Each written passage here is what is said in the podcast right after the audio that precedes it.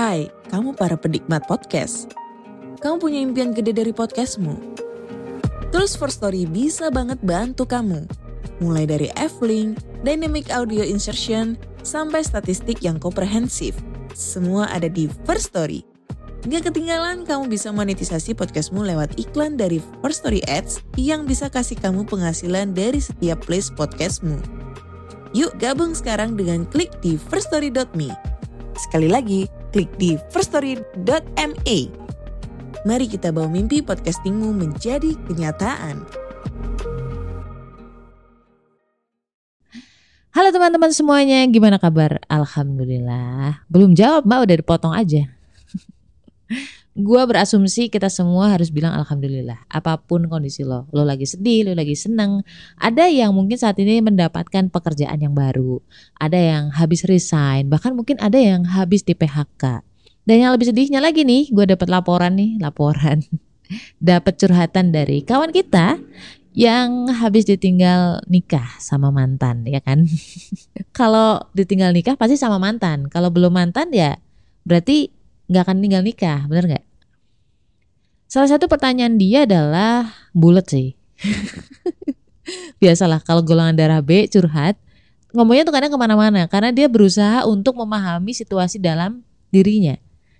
Agak sulit buat golongan darah B untuk memvalidasi perasaannya dia sendiri di saat itu. Dan dia sulit menemukan kata-kata yang tepat ya untuk menggambarkan situasinya di saat itu. Ditinggal mantan menikah itu kayak pintu yang kita masih ada harapan di sana tiba-tiba ketutup aja gitu. Itu dilemanya si golongan darah B. Mudah bucin, susah move on. Aduh, nah gimana sih caranya biar kita bisa baik-baik saja walaupun ditinggal sama mantan? Eh, salah. Walaupun ditinggal mantan nikah. Assalamualaikum. Gimana kabar lo? Alhamdulillah. Apakah lo lagi ngerasa kesepian atau sendirian? Kenalin gue Ria Marliana, teman healing lo di podcast Self Healing. Di sini kita bakal ngobrol bagaimana sih belajar berdamai dengan luka, tentu aja atas izin Allah Subhanahu wa taala. Semoga Allah sembuhkan lukamu, ringankan bebanmu dan kuatkan hatimu.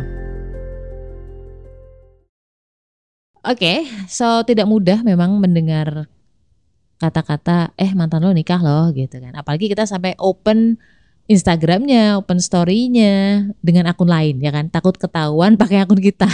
Takut ketahuan kita stalking. Ntar gede rasa ya kan. Ntar mantan kita berasa ganteng. Hal pertama yang membuat kita tuh bingung sebenarnya eh, perasaan kita lagi gimana sih? Sedihkah, senengkah atau gimana atau harusnya plongkah gitu kan. Itu adalah shock dulu. Kita belum bisa memvalidasi saat itu kita sedang sedang merasakan apa. Ya secara logika kayak bilang Oke, okay, alhamdulillah gue udah plong bahwa dia udah punya tambatan baru. Jadi gue nggak perlu ngarepin lagi tentang dia. Betul, itu logika lo ngomong kayak gitu. You know what? Logika lo itu nggak bisa mengatur jiwa kamu. Percayalah, mau kamu ngomong seribu kali seperti itu, di dalam hati kecil lo itu ada yang ngomong sedih gue. Ya ampun, aku shock gitu.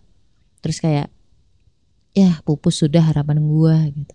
Aku pengen membuang perasaan ini tetapi nggak bisa, tetapi nggak tahu gimana caranya Aku merasa sakit, tapi kenapa perasaan ini gak segera pergi? Bagaimana cara menyembuhkannya gitu? Bener gak? mbak, lu tahu banget sih mbak. gue sering bucin, gue sering patah hati. Makanya gue bisa nge-podcast saat ini. Gue tahu banget perasaan lo. Dalam hati tuh tetap aja ada harapan. Ning logika ning lagi. Tapi logika lo kayak seolah-olah menutup harapan itu kayak nggak mungkin dia udah nikah sama orang lain, nggak mungkin dia udah ada pengganti. Iya, gue tahu. Tapi gue tuh masih ngarepin lo, ngarepin kita bisa balikan lagi. Jadi itu kayak pertentangan batin lo sendiri dan endingnya adalah overthinking, bener nggak? Over galau. ada yang mungkin biasa saja, ada yang mungkin kepikiran banget, ada yang sampai nggak mau makan. Itu tergantung punggung lo sekuat apa kondisi lo dan memang sebesar apa itu buat lo, sepenting apa hal itu buat lo. Semakin penting dia, semakin melukai lo. Gue pernah berada di posisi yang kurang lebih sama dan gue tahu dia sudah ada pengganti, pengganti gue maksudnya. Tapi jujur gue mengakui walaupun gue mendengar bahwa dia udah punya pengganti, gue nggak tahu kenapa keinginan untuk balikan lagi sama dia itu tetap ada. Jadi gue ada perasaan seperti itu, percayalah. Semakin gue deny, semakin gue menolak perasaan itu, semakin gue kontra berantem ini antara logika sama hati itu semakin gue tersiksa.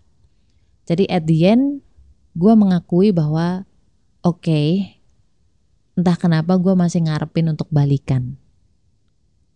Gue berusaha untuk accept perasaan itu tetap ada. Ya, perasaan harapan itu tetap ada walaupun secara logika pintu tuh udah ditutup. Kayak lu ngelamar kerjaan lu ngarepin banget lu masuk ke perusahaan itu tiba-tiba perusahaan itu tuh udah closed. Sudah ada yang mengisi itu mak jelek gitu ya. Nggak masuk akal ya? Nggak nyaman?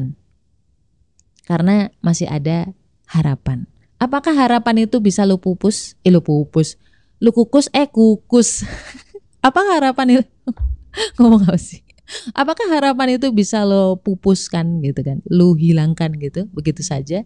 I don't think so. Karena jiwa lagi-lagi yang mengatur hati lo, mengatur jiwa lo itu Allah. Ingat bahwa Allah lah yang maha membolak-balikan hati. Gue mulai relief ketika gue menerima bahwa gue tuh masih ada harapan itu. Walaupun gue nggak mau, tapi pada kenyataannya harapan itu masih ada di situ, bercokol di situ. So, gue gunakan harapan itu untuk berdoa sama Allah. Mungkin Allah kangen nih. Mungkin Allah kangen aku berdoa yang dalam, yang deep. Yang beneran sampai kerelung hati. Ada orang yang bilang untuk memupuskan harapan itu biar lo gak sakit. Iya logikanya bisa kayak gitu, gue tahu banget gitu. Tapi gak semudah itu cuy.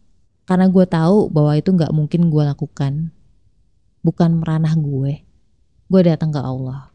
Setiap peristiwa, setiap yang lo alamin di hati lo, boy kerasa sakit, senang, sedih, endingnya adalah ke Allah. Itu tentang kita sama Allah loh. Jadi gue berdoa sama Allah ya Allah. Saya nggak tahu kenapa perasaan ini tuh masih ada, perasaan pengen balikan, pengen kembali gitu ya dengan dia. Ya sudahlah gitu. Saya menerima uh, saya pasrahkan hati hamba ini nih kepada engkau. Karena kemungkinannya satu gue bisa balikan sama dia. Kemungkinannya kedua dihilangkan hasratnya tentang si dia dan digantikan dengan yang lebih baik. Nggak akan ada ruginya lah dua-duanya nggak rugi gitu loh. Nggak usah dinai tapi gunakanlah rasa sakit itu agar doamu lebih dalam agar kamu tuh lebih berasa dekat lagi sama Allah. Gak mungkin, gak mungkin Allah itu dolim sama kita. Pasti dikasih yang terbaik buat lo. Oke? Okay?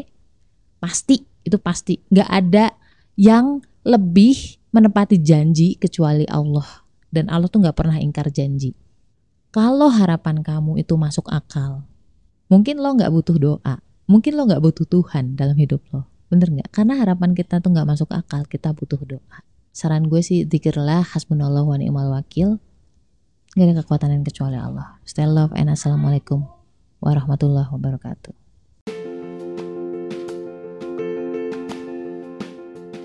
Kenapa sih golongan darah B itu pelupa, susah banget ingat nama? Orangnya juga cuek, nggak pekaan, nggak perhatian. Kenapa coba? Bedah itu semua dari buku cerita tentang karakter golongan darah B dengan judul Beauty in a Beast. Order sekarang, link di bio ya.